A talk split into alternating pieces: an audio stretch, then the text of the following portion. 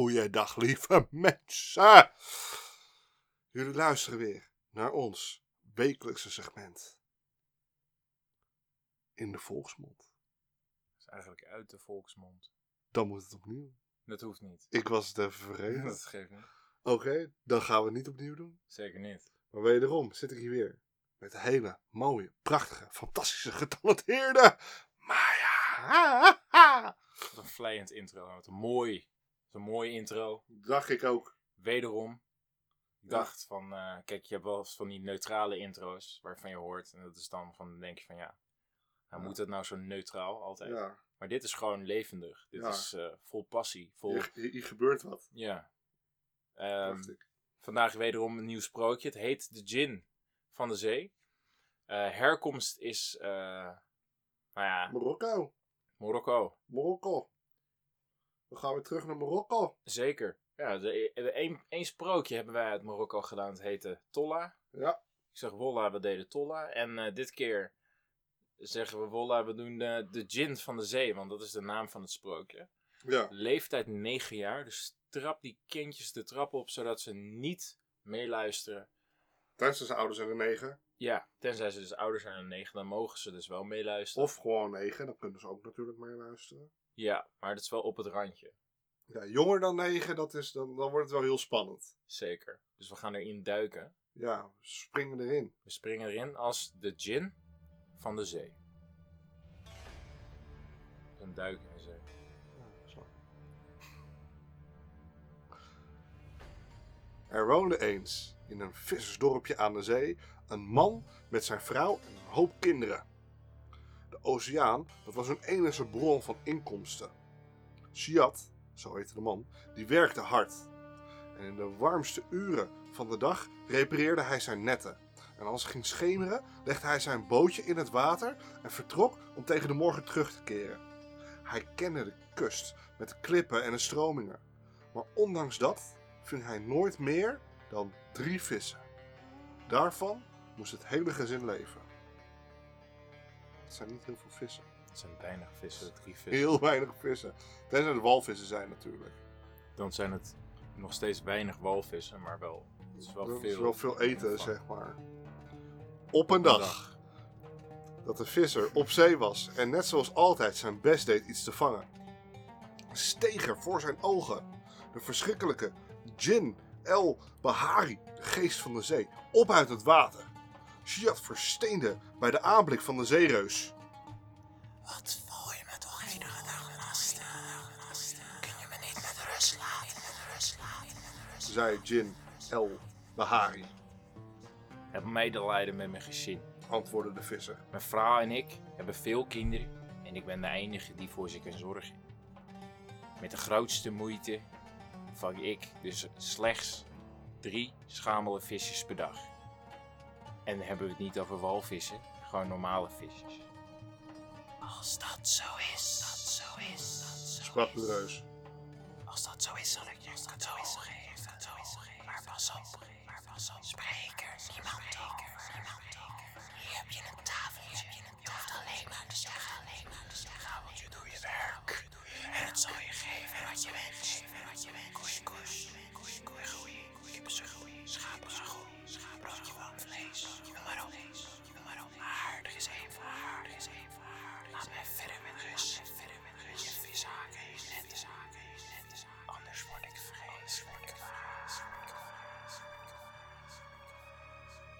Opgetogen nam Siad het tafeltje mee naar zijn vrouw.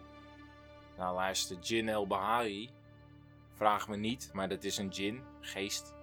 Heeft mij dus een tafeltje geschonken dat alles, ja, dat ons alles zal geven wat wij vragen. En vanaf vandaag zullen wij onze kinderen altijd eten kunnen geven. Je hoeft maar te zeggen, tafeltje, doe eh, dat werk, doe je werk en dan, eh, dan lukt het. Maar, moet je, moet je eens luisteren, moet je eens luisteren. Die Jin heeft mij wel op het hart gedrukt en met niemand over te spreken. Dus dat is al één regel die ik verbreek. Vol verwachtingen vroeg de vrouw het tafeltje om een stuk gebraden vlees waar ze al jaren naar smachtte. En zie, het tafeltje zette haar een verrukkelijke bout voor. Het hele gezin juichte van vreugde. Die avond, de volgende dag en de dagen daarna hielden de visser en zijn vrouw het ene feestmaal naar het andere en aten alles waar ze maar zin in hadden. Slecht idee. Voor de lijn. Ja, omdat het nu zo makkelijk was de smakelijkste maaltijden op tafel te krijgen, kreeg de vrouw het idee haar nicht uit te nodigen. Het gezin was altijd te arm geweest om gasten te ontvangen en de vrouwen hadden elkaar lange tijd niet meer gezien. Ze praten honderd uit. De nicht, verbaasd over zoveel overvloed, vroeg hoe het kwam dat het hele gezin het opeens zo ruim had. De vissersvrouw bedacht dat zij een familielid het geheim wel zou mogen vertellen. En ze bekende dat het tafeltje het werk deed. Ze ging zelfs zo ver haar nicht te vragen wat ze wilde eten om zo ter plekke een demonstratie te kunnen geven. Met Sachalim achter aan je, aan je sark. Doe je werk. Het tafeltje toverde het gevraagde gerecht tevoorschijn, Zie je wel? zei de vrouw trots tegen haar gast.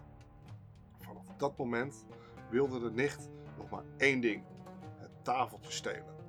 Ze overlegde met haar man. Ze besloot de familie te vragen of zij een paar dagen konden komen logeren. De vissersvrouw ging graag op het verzoek in. Over het eten hoefde ze zich immers meer geen zorgen te maken. Daar had zij het tafeltje voor. De visser legde dus twee extra matrassen in de kamer en nodigde de familie van zijn vrouw uit. Maar dan is wel de vraag natuurlijk van waarom hebben ze niet gewoon om een bed gevraagd in plaats van twee extra matrassen op de grond? Want ze hadden het tafeltje in. Ja, maar het tafeltje maakt alleen maar eten, geen bedden. Nee, alles. Nee, eten. Nee, alles. Nee, eten. Alleen eten. Dan, oké, sorry. Ja, Ik heb begrepen. Toen het echtpaar er was, bestudeerde de man nauwkeurig het tafeltje en noteerde in zijn gedachten de afmeting, de kleur en de vorm. Daarna liet hij er precies zo eentje namaken en verwisselde de volgende avond het neppe tafeltje met het echte tafeltje. De volgende dag nam het echtpaar afscheid en vertrok. Smiddags wilde de vissersvrouw haar gezin een maaltijd voorzetten. Maar hoe zij ook riep, Tafeltje, doe je werk. Tafeltje reageerde niet. Noodgedwongen gooide de visser zijn boter in het water. Zeven dagen lang ving hij niet één vis. Zijn kinderen die waren aan het jammeren en aan het huilen, want die hadden honger. De nicht en haar man, die vierden feest. De visser, die zei tegen zijn vrouw, Vrouw, ga naar je nicht. Vertel eh, haar van onze ellende en bedel desnoods om wat etensresten, want dit, dit kan zo niet. Wij hebben haar in ieder geval vorige week gastvrij ontvangen en alles, al het eten gegeven wat zij maar wilde.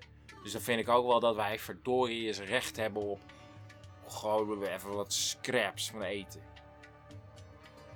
De vrouw die ging naar haar nicht toe en bekende dat het tafeltje zijn werk niet meer deed. En dat haar man niet één vis meer heeft gevangen.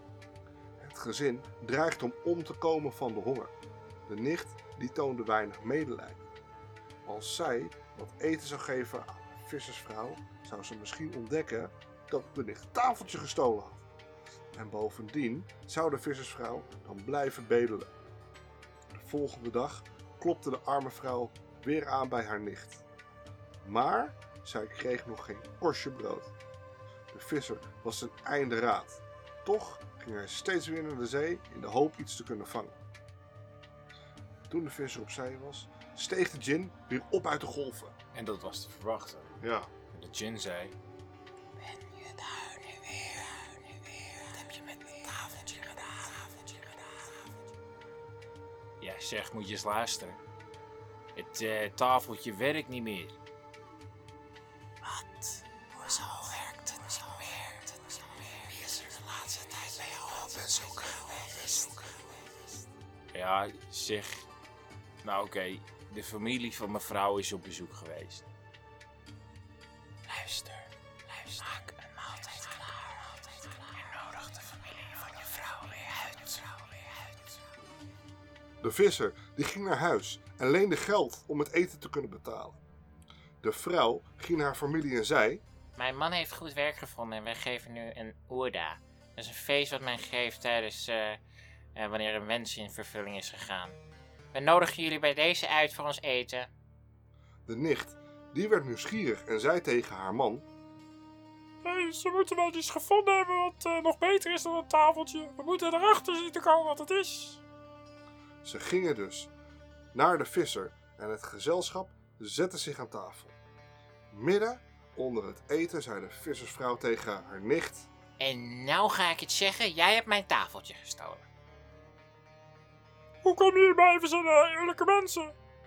Nee, jullie zijn niet eerlijk en medelijden kennen jullie ook niet. We hebben zelfs geen... verdorie, geen broodkramels voor jullie gehad. Dat hebben jullie gewaagd. De nicht en haar man die bleven ontkennen. Toen doemde angstaanjagend Jin El Bahari op in de gedaante van een zwarte reus. Hij zei tegen de gasten: Jullie zijn dieven. Jullie zijn dieven. We hebben geen medelijden gehad. We hebben geen medelijden gehad. Zelfs niet met hun kleine kinderen. Jullie waren bang dat zij vaker jullie zouden aankloppen voor een aankloppen voor een. Als jullie een beetje liefde hadden, een beetje liefde hadden, had ik jullie ook een tafeltje gegeven. Maar nee, maar nee, nu de zaken er zo voor zaken er zo voor zaken jullie mee zee. de zee. Bliksemsnel bukte Jin El Bahari en greep het slechte echtpaar en nam ze mee over de zeven zeeën. Nadat hij hen het schuim van de kolkende oceaan had gesleurd, tegen de ruwe rots had geslagen, smeet hij ze op de kust van een ver land, ellendig en uitgeput.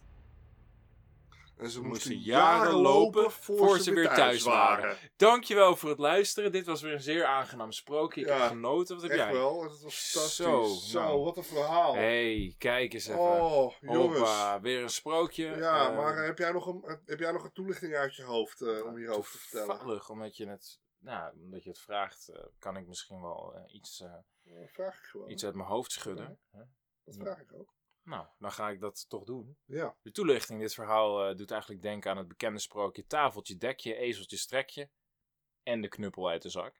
ja dat, Maar- dat hebben we nog niet gedaan als sprookje. Zeker nog niet gedaan, komt, komt eraan. Ga, gaat eraan komen. Maar in ieder geval het moraal, of de moraal van het verhaal gaat dieper. Ja, is ook metaforisch omdat de zee natuurlijk diep is. ja. Eh, het is niet zozeer de diefstal die om de woede van de geest eh, opwekt eigenlijk, maar het feit dat mensen in nood niet geholpen worden en zo de heilige wet van de gastvrijheid eh, en de hulp van de armen verbroken wordt, dat is de eh, druppel die de zee doet overstromen Ja. eigenlijk. Ja, Het, bespro- het sprookje, niet besprookje, maar het sprookje staat ook in de Pentamerone van Chilomalebesita Basilicita. Onder de titel La Fibratia che dall'estisti calibetisira. En dat eh, heet, het Italiaans voor het sprookje van de reus. oké. dan Dat, dat, dat, Ja. dat je dat allemaal zo uit je hoofd Dat weet. is eh, prima toch? Ja. En eh, kleine samenvatting, want dat hebben we nog nooit gedaan, maar we gaan het wel doen. Ja, we hebben het één keer gedaan. We hebben het één keer gedaan. Oh, we hebben het één keer. Oké, Ja, we hebben Ja. één keer eerder een samenvatting Nou. gedaan van een verhaaltje. ja, oké. Ja, Welke? Wat- wat- Weet jij nog welke? volgens mij was dat de kleren van de keist.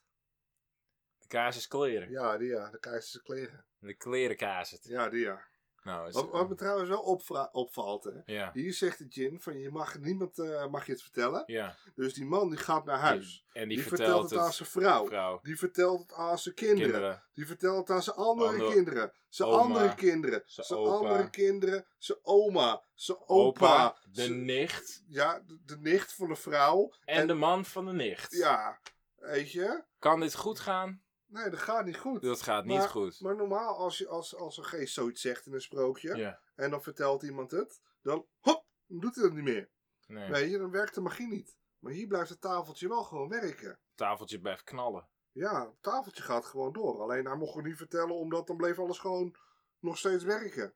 Dat vond ik een beetje raar. Ik vond het raar, maar het is wel in ieder geval, ze hebben een verdiende loon gekregen. Ze werden gewoon op rotsen gesmeten en, en Ja. al dat.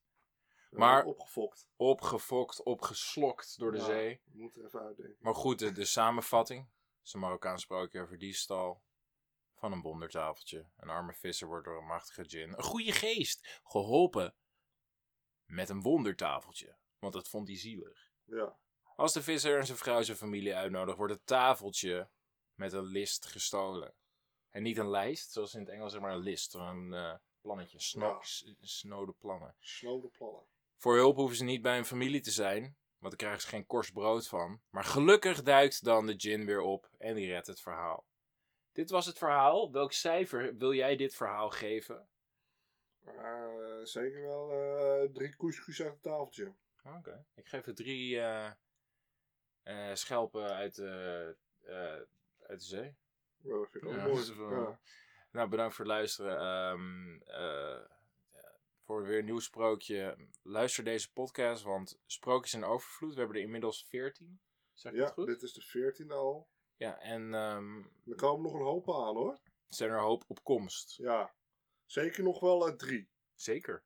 En dertig. Drie. En zoals we altijd zeggen. Oh nee, wacht, we moeten eerst. En dankjewel voor het luisteren. Ja, dankjewel voor het luisteren. En we eindigen met eh, dat we de samenvatting gaan zingen. Oh, oké. Een Marokkaans sprookje over diefstal van een wondertafeltje.